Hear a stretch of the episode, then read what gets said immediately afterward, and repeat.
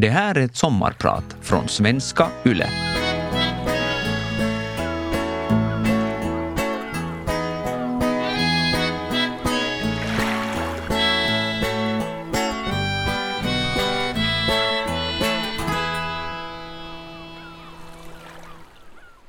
Finland är världens tryggaste land. Och Finland har aldrig varit så tryggt som det är idag. Detsamma gäller förresten också för resten av världen. Sådär, i stort sett. Konstigt. När jag plockar fram morgontidningen eller kopplar av framför kvällsnyheterna får jag ändå en helt annan bild av verkligheten. Mord, våld och dataintrång. En massa katastrofrapporter om hur illa det ligger till och vilka farliga saker som kan vänta oss bakom hörnet. När jag var ung ville jag, som så ganska många andra, bli polis. Och inte bara polis, utan mordutredare på centralkriminalpolisen. Jag skulle lösa de svåraste fallen, de som man läser om i tidningarna eller ser i sina favoritdeckare på TV. Jag visste att när man söker till polisskolan så ska man säga att man trivs med människor och vill förbättra världen. Så det gjorde jag, precis som alla andra. Men minst lika viktigt var ändå att jag sökte spänning. Att jag ville uppleva någonting annorlunda, sånt som andra bara läser om. Men det vågar jag inte säga. Man vill ju inte framstå som för ivrig eller maktlysten. När jag sökte till polisskolan hade jag redan jobbat som dörrvakt, väktare och FN-soldat. Så jag tyckte att min actionkvot var ganska så fylld. Motorcyklar var jag aldrig särskilt intresserad av. Jag var också stor och lite klumpig, så det där med att klättra längs väggar för att ta fast en farlig och beväpnad människa förstod jag att lämna åt de andra. Nej, min plan var att lösa svåra våldsbrott och efter en kort men strålande karriär inom kriminalpolisen övergå till det allra hemligaste, skyddspolisen. Där skulle jag skydda oss alla från de riktigt farliga hoten. Du vet, spioner, terrorister och sånt. Ja, det skulle verkligen vara spännande, annorlunda och sånt som andra bara läser om. Men det fick man nu inte riktigt säga högt. Nå, riktigt så blev det inte. Jag löste inga mord. Under de sex veckor som jag var praktikant vid Helsingforspolisens mordavdelning begicks inga mord. Lyckligtvis är det bäst att tillägga. Däremot blev det topphemligt fortare än vad jag hade tänkt mig. Mitt första jobb som nyutexaminerad polis blev på kontraterrorismenheten hos skyddspolisen. Jag heter Arje Varaje och idag är jag din sommarpratare. Till vardags jobbar jag som strategichef på inrikesministeriet i Finland. Jag kommer att tala om säkerhet, vad vi egentligen ska vara oroliga för i framtiden och varför Finland är världens tryggaste land.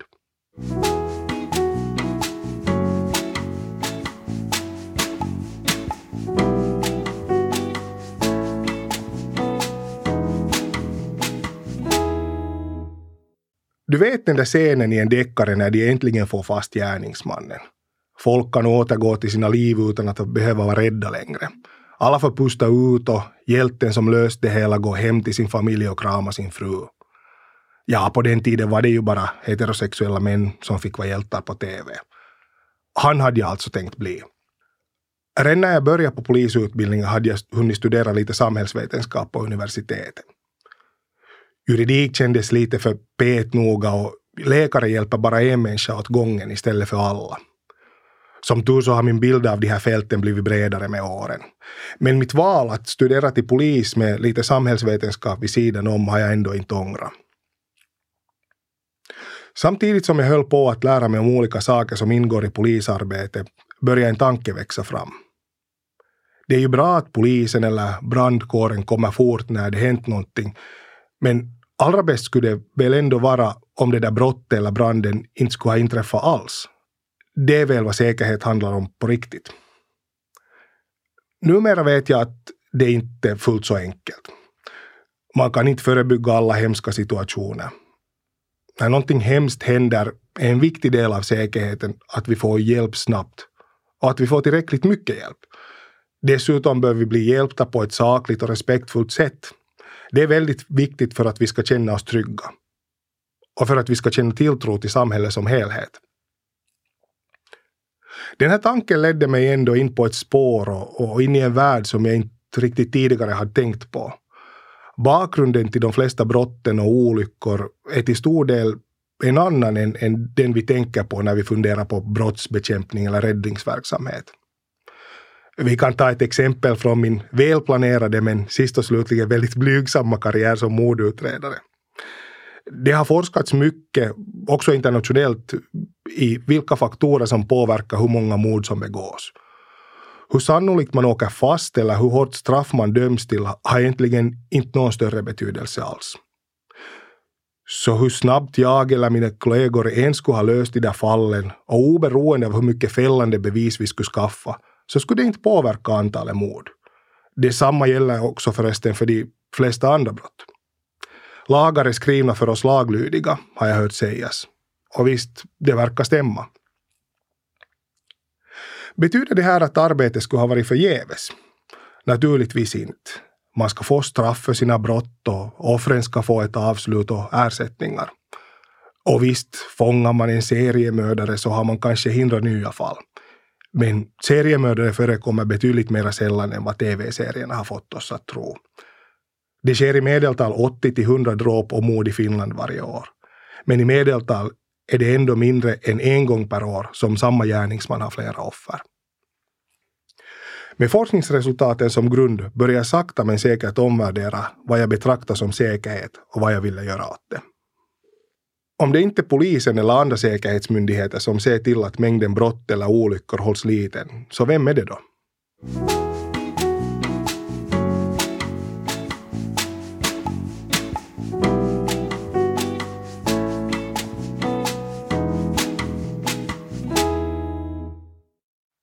När jag tittar tillbaka på min egen ungdomstid så kan jag säga att på det stora hela var jag lyckligt lottad. Jag kom från en medelklassfamilj med två högt utbildade föräldrar. Jag hade kompisar och intressanta hobbyer. Men alla i min skola eller bekantskapskrets hade inte lika bra. Och det är oftast de här personerna som löper risk att hamna in på fel spår. Det största hotet mot vår vardagssäkerhet är nämligen social marginalisering och att olika sociala problem hopar sig hos vissa individer och människogrupper. Tittar man på brottslighet så vet vi att under 5 procent av alla människor begår över hälften av alla brott. De bakomliggande orsakerna är ganska tydliga. Det handlar oftast om unga män eller pojkar som saknar arbete, studieplats och fast inkomst, har rusmedelsproblem och ofta mycket svåra uppväxtförhållanden. Många av de här männen har i sin barndom själva blivit offer för våld och andra brott. De som regelbundet begår brott blir betydligt oftare också själva offer. Studier från fängelsen berättar att så många som 90 procent av alla fångar har rusmedelsproblem eller problem med sin mentala hälsa. Det är också rätt vanligt att de har en äldre manlig släkting som tidigare suttit i fängelse. Den här insikten fick jag först efter poliskarriären men den ändrade hur jag såg tillbaka på min tid som polis. De flesta av förövarna jag mötte var i en annan situation sannolikt själva offer. Och de skulle kanske aldrig ha blivit förövare ifall de inte själva hade varit offer eller på något annat sätt utsatta. Män och rusmedel är inte bara ett problem när det kommer till brott. I hela EU ligger Finland på femte plats i antalet olyckor med dödlig utgång.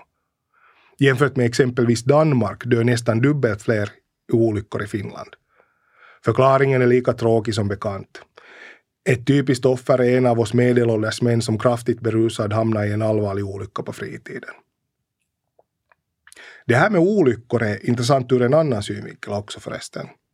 När man frågar folk vilka säkerhetshot som oroar dem så ligger olyckor väldigt lågt ner på listan. Våld, terrorism, invandring och sexuella trakasserier rusar alla förbi undersökningarna. Men tittar man på sannolikheten att säkerhetshotet ska inträffa så vänds bilden upp och ner. Mindre än 100 finländare dör per år på grund av brott medan över 2500 finländare dör i fritidsolyckor. Och tittar man specifikt på olyckorna så är uppfattningen där också upp och nervänd.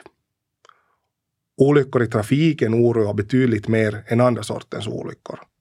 Fast trafikolyckor står för endast 10 procent av dödsfallen. Är vi alltså rädda för fel saker? Vi återkommer till det om en stund. Vad ska man då tänka om att säkerheten är så starkt kopplad till välmående, eller egentligen bristen på välmående? Jag brukar säga att Finland inte är världens tryggaste land för att vi har världens bästa polis. Det hjälper naturligtvis, men det är inte grundorsaken. Grundorsaken är att många av oss mår bra. De flesta mår också bättre än föregående generationerna i samma ålder. Trygga hem och uppväxtmiljöer, tillgång till utbildning och arbete och i sista hand starka sociala stödmekanismer ser till att så många som möjligt har det så bra som möjligt. Socialpolitik är den bästa formen av säkerhetspolitik, har en bekant politiker sagt. Och vetenskapen verkar stödja det. Allt går ändå inte att förklara med social marginalisering eller brist på välmående. Vi vet till exempel att våldsam radikalisering, som kan ta många former, sker i så gott som alla samhällsklasser.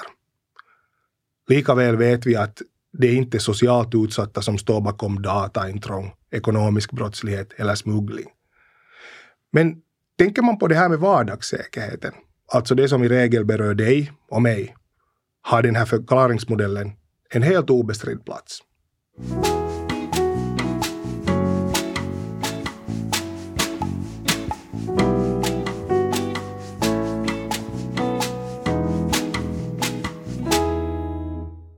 Jag heter Arja Varén. Jag är strategichef på inrikesministeriet med säkerhet som specialitet. Till mitt jobb hör att hålla föreläsningar och olika slags presentationer om just det, säkerhet. I de här situationerna frågar folk ganska ofta hur tryggt Finland egentligen är. Har du följt med sedan början så vet du att jag påstår att Finland är världens tryggaste land. Det var kanske ändå det korta svaret för att locka dig in. Det riktiga svaret är nämligen en motfråga. Tryggt för vem och på vilket sätt?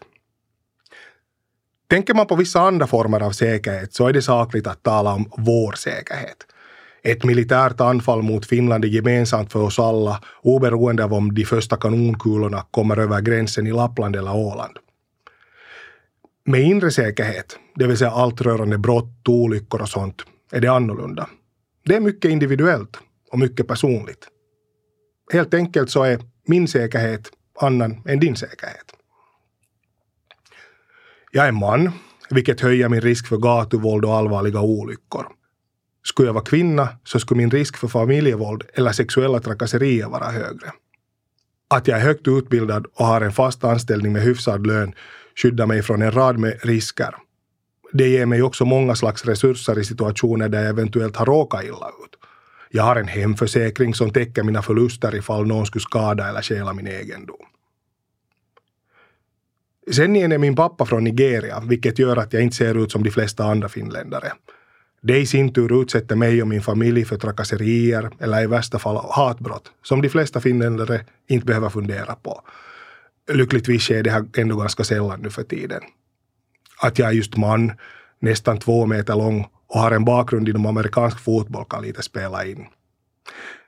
Men som högstadieelev, när jag fortfarande var klen och outbildad, råkade jag dock betydligt oftare ut för rasistiska påhopp. Ja, det är nog kanske inte helt otänkbart att det här har påverkat mitt yrkesval också senare i livet. Jag kunde fortsätta beskriva min säkerhetssituation utgående från en rad av mina egenskaper, men jag tror att du förstår vad jag menar. Vem vi är, var vi bor, vilket kön vi har, vilket modersmål, vilken hudfärg, vilken utbildning och vilken religion vi har påverkar alla både sannolikheten att råka ut för säkerhetshot och vår förmåga att hantera dem. Vad har det då för betydelse? Vi har redan etablerat Finlands mål är att vara världens tryggaste land. Vi har också etablerat att säkerhetsproblem till stor grad är kopplade till social marginalisering och att de flesta av oss egentligen har det riktigt bra. Men vill vi bevara vår position som världens tryggaste land så måste vi i allt större utsträckning besvara olika människors särskilda behov. En samma åt alla taktik funkar inte längre. Fast det kanske sådär spontant tänkt låter rättvist man kan förstås ändå ställa sig frågan om, om den där taktiken någonsin har varit särskilt lyckad. Ett är i alla fall säkert. Dagens människa är väldigt medveten och internationella idéer och rörelser kommer till oss, inte inom år eller månader, utan inom dagar. I en sån värld måste vi som sköter offentliga uppgifter och jobbar för allas bästa vara väldigt observanta. Ditt välmående och din säkerhet ska byggas utgående från vad som är relevant för dig. Inte vad vi tror och tänker att det är lite bra för alla.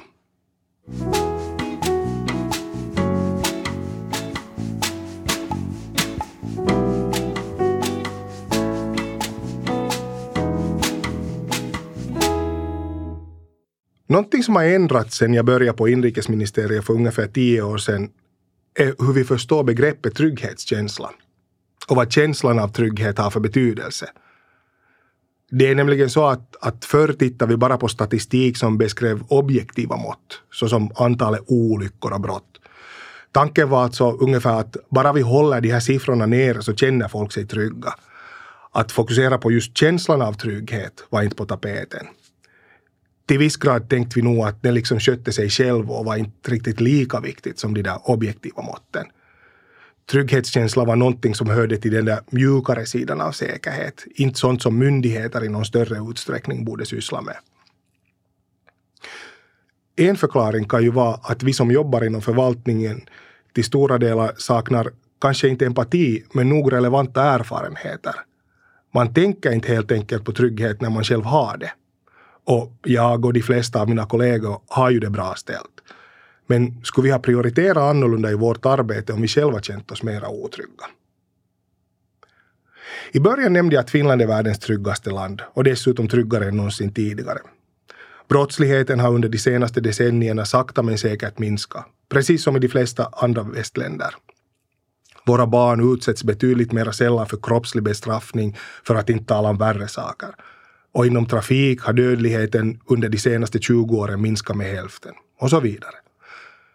Jag nämnde också hur svårt det är att tro på de här framstegen om man öppnar tidningen eller tittar på TV-nyheterna. För att inte tala om sociala medier. Vi som jobbar med säkerhet på ministerierna började för några år sedan se en oroväckande tendens att vissa människors uppfattning om säkerheten inte stämde överens med det här faktiska läget. På det stora hela känner sig finländare fortfarande väldigt trygg. Men en allt mer högljudd och synlig minoritet gör inte längre. Det skulle förstås vara enkelt att skylla på media. Ni skriver om en massa hemska saker och folk blir rädda i onödan. Men frågar man vilken journalist som helst, det har jag förresten gjort, så svarar de att folk har rätt att ta del av vad som händer i världen. Och att vår demokrati är uppbyggd så att journalistens uppgift är att rapportera om det. Och dessutom, om inte journalisten rapporterar så gör någon annan det. Och troligtvis då just på sociala medier. Det är sannolikt det sämsta alternativet. Sociala medier kan vara rena vilda västern där ett budskaps värde mäts i hur många likes och delningar det får, inte hur sann informationen är. Tillgången till information har ökat explosionsartat. Både positiva och negativa saker är närmare oss än någonsin tidigare. För hundra år sedan visste vi knappt vad som hände i grannbyn. Nu för tiden vet vi vad en oberäknelig statsledare flera tusen kilometer bort äter till frukost och vad hen tänker göra efter lunch. Jag märker att också jag kan bli orolig och osäker av det här. Fast jag genom mitt jobb har en massa lugnande information att falla tillbaka på. Det här syns i det praktiska myndighetsarbetet också. I våras ringde en kvinna till mig och var orolig för det här med databedrägerier. Alltså att någon låtsas ringa från ett företags kundstöd och lura dig att ge dem tillgång till din dator. Hon var mycket orolig och tyckte att myndigheterna borde ha en sida där man tydligt ger instruktioner för hur man skyddar sig mot den här typen av bedrägerier. Nå, samtidigt som vi pratade så googlade vi tillsammans och kom fram till att en sån sida redan fanns. Vad det hela sist och slutligen handlade om var just informationsflöde. I den ocean av information som finns att tillgå drunknar tyvärr ofta relevant och viktig information. Tidigare när myndigheter gav ut information för att hjälpa folk eller berätta om en aktuell händelse så kunde man lita på att det fick uppmärksamhet, fastna hos folk och att folk litar på informationen. Nu för tiden konkurrerar myndigheternas budskap med många andra, såsom just privata tänkare på sociala medier. Men att vara tyst för oss som jobbar med säkerhet på inrikesministeriet är inget vettigt alternativ. Tomrum i kommunikationen kring aktuella och intressanta händelser fylls snabbt med spekulation, desinformation och rena rama lögner. Det här kan i sin tur ha en riktigt dålig inverkan på slutresultatet. Det kan försvåra myndighetsarbete och skapa helt nya problem. Jag skulle inte gå så långt som att säga att jag är ute på någon form av korståg, men jag tycker nog att det är väldigt viktigt att också positiva nyheter lyfts fram. Vi känner oss tryggare och mår bättre om vi lär oss fokusera på det positiva och det som är kanske på riktigt sant. På ett sätt är det också väldigt enkelt. Ett leende sprider trygghet i rummet.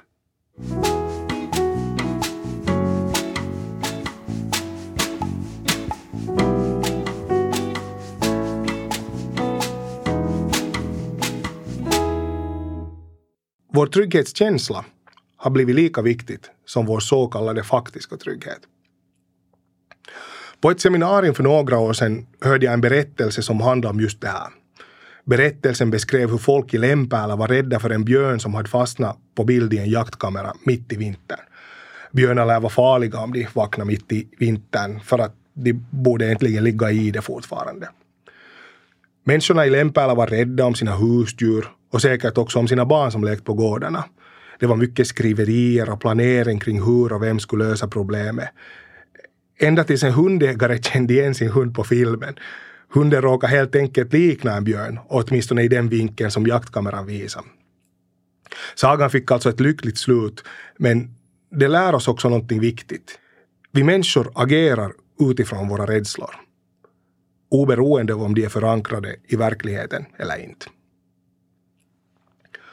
Förutom att informationsflödet har ökat så tror jag att det finns också en annan förklaring till varför vi inte alla eller alltid känner oss trygga. Vi har helt enkelt mer att förlora än tidigare. Folk lever längre, har mer pengar i plånboken och medicin och sjukvård utvecklas snabbare än nya sjukdomar dyker upp. På det stora hela förväntar vi oss att allt ska alltid gå som på Strömsö. Så var det inte förr. Säkerhet handlar ju om friheter och rättigheter. Att jag har friheten och rättigheten att tala svenska på en spårvagn i Helsingfors. Eller friheten och rättigheten att gå hem ostörd på kvällen. Och hur jag nu utnyttjar de här friheterna och rättigheterna påverkas av vad jag är rädd för. Oberoende av om rädslan är befogad. Så hur trygg min omgivning än är i statistisk bemärkelse så är den egentligen trygg först när jag också upplever den trygg. Om vi än en gång tittar på statistiken så hittar vi en intressant utmaning som forskarna kallar för rädsloparadoxen. Det betyder att vi ofta är rädda för hot som inte är särskilt sannolika för oss. Ett exempel från studierna är att de som är mest rädda för grov internationell brottslighet är äldre kvinnor på landsbygden. Det vill säga den grupp av människor som minst sannolikt kommer i kontakt med just grov internationell brottslighet. Unga män är i sin tur inte särskilt rädda för våld trots att de statistiskt sett är de mest sannolika offren för just det. Man behöver inte ha tillbringat många kvällar på krogen för att underteckna det påståendet. Tänker jag på mig själv så är jag kanske mer rädd i trafiken eller på ett flygplan, vilket egentligen är ganska tokigt eftersom det är när jag renoverar hemmet som jag borde vara aktsam. Men när jag renoverar så inbillar jag mig att jag har kontroll. Läget är ordagrant i mina egna händer i trafiken är det alltid de där andra som kan vara farliga och i ett flygplan ska jag lita på piloten och datatekniken. Det som vände käppe och fick mig och mina kollegor att titta på otrygghet på ett nytt sätt var de så kallade nya säkerhetshoten. Terrorism, våldsam radikalisering och avsiktlig polarisering. I alla de här fallen utnyttjas någon befintlig rädsla. IS till exempel vänder sig till unga muslimer i västvärlden som har känt sig diskriminerade och rädda. Och högerextremister använder ju samma taktik, men tvärtom. De vänder sig till de som är oroliga för invandring och rädda för folk som ser annorlunda ut än de själva. Främmande makters trollfabriker har bäst framgång hos de som är benägna att tro på konspirationsteorier och de som tror att myndigheterna ljuger eller i alla fall döljer någonting. Och så vidare. Vi på ministeriet har kanske lärt oss en läxa. Trygghetskänslan är viktig. Om du känner dig trygg bidrar du knappast till att föra vidare otrygga eller rent av farliga budskap.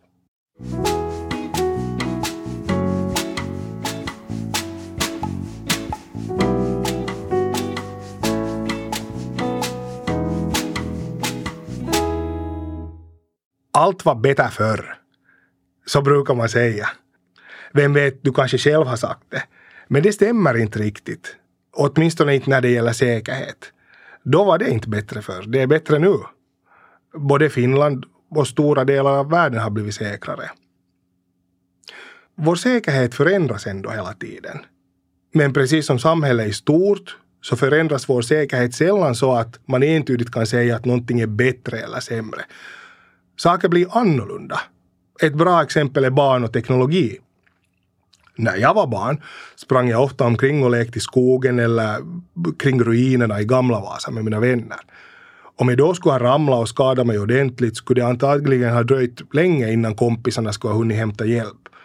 Om däremot mina barn skadar sig i skogen, den gången jag lyckas slita dem från sina skärmar, så behöver de inte ens själva veta vad de är för att kunna få hjälp av mig eller ambulans väldigt fort, eftersom deras telefoner kan spåras. Men samma manik som möjliggör att de snabbt kan hittas vid en olycka utsätter dem också för nya hot som mina föräldrar inte alls behövde oroa sig för. Mobbning, våld, vuxenunderhållning och sånt. Har mina barns säkerhet då blivit bättre eller sämre med ny teknologi? Trots att jag är frestad att tycka att den blivit bättre så kan vi alla enas om att den har blivit annorlunda. Hur ser då framtiden ut? Kommer jag också då att tycka att allt var bättre förr? Mycket tyder på att den positiva utveckling vi haft kommer att fortsätta. Att välmående sakta men säkert kommer att öka. Det som gör Finland svagt i konkurrenskraft, att vi åldras fortare än resten av Europa, bådar i sin tur gott för säkerheten, eller åtminstone en del av den. Unga människor är nämligen betydligt mer involverade i brottsligheten än äldre. Så då, om vi har färre unga människor, så kommer det att leda till minskad brottslighet. Dessutom använder dagens unga mindre alkohol och droger än tidigare generationer, vilket också är positivt. Dagens unga är också mer toleranta och snappar upp kulturströmmar från hela världen, inte bara från den egna byn eller förorten. Det här betyder inte att vi saknar mörka orosmoln på himlen. Att världen har blivit allt mindre betyder också att den på många sätt har blivit skörare. Ett vulkanutbrott eller en tropisk sjukdom i fjärran land påverkar inte oss tidigare. Men idag är läget helt annat. Människor, pengar, information, varor och kunskap rör sig runt världen i större utsträckning än någonsin tidigare. Och trots pandemin så finns det inga tecken på att utvecklingen skulle vända i det långa loppet. Det betyder ur säkerhetsperspektiv att allt mindre företeelser har en allt större inverkan. Våra affärshemligheter eller våra privata uppgifter såsom familjefoton eller sjukdomsberättelser kan vara lagrade runt om i världen och jag misstänker att vi bara är i en första fas när det gäller den här sortens hot mot vår datasäkerhet. Jag får ibland frågan om vad jag tycker är vårt största hot i framtiden. Som ni minns från exemplet med att jämföra terrorism och olyckor så är det inte fruktbart att jämföra äpplen och apelsiner. Skulle jag vara tvungen att nämna en sak som oroar mig så skulle jag säga polarisering. Att vi först tappar förmågan och sen viljan att förstå varandra. Möjligheten att skapa våra egna bubblor på internet har fört mycket gott med sig. Vi är inte längre bundna till de roller, identiteter och intressegrupper som finns nära till hands eller som omgivningen ger oss. Vi kan välja helt enkelt.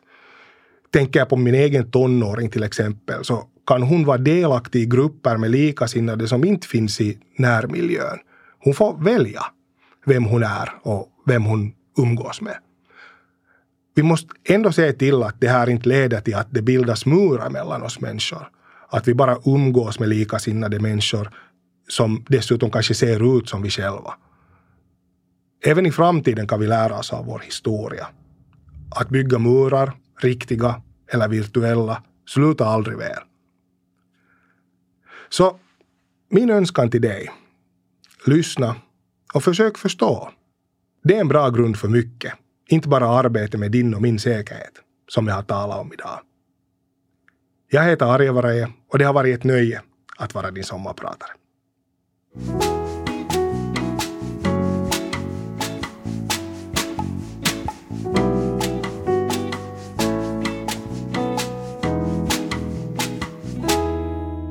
Vegas sommarpratare produceras för Svenska Yle av Parad Media.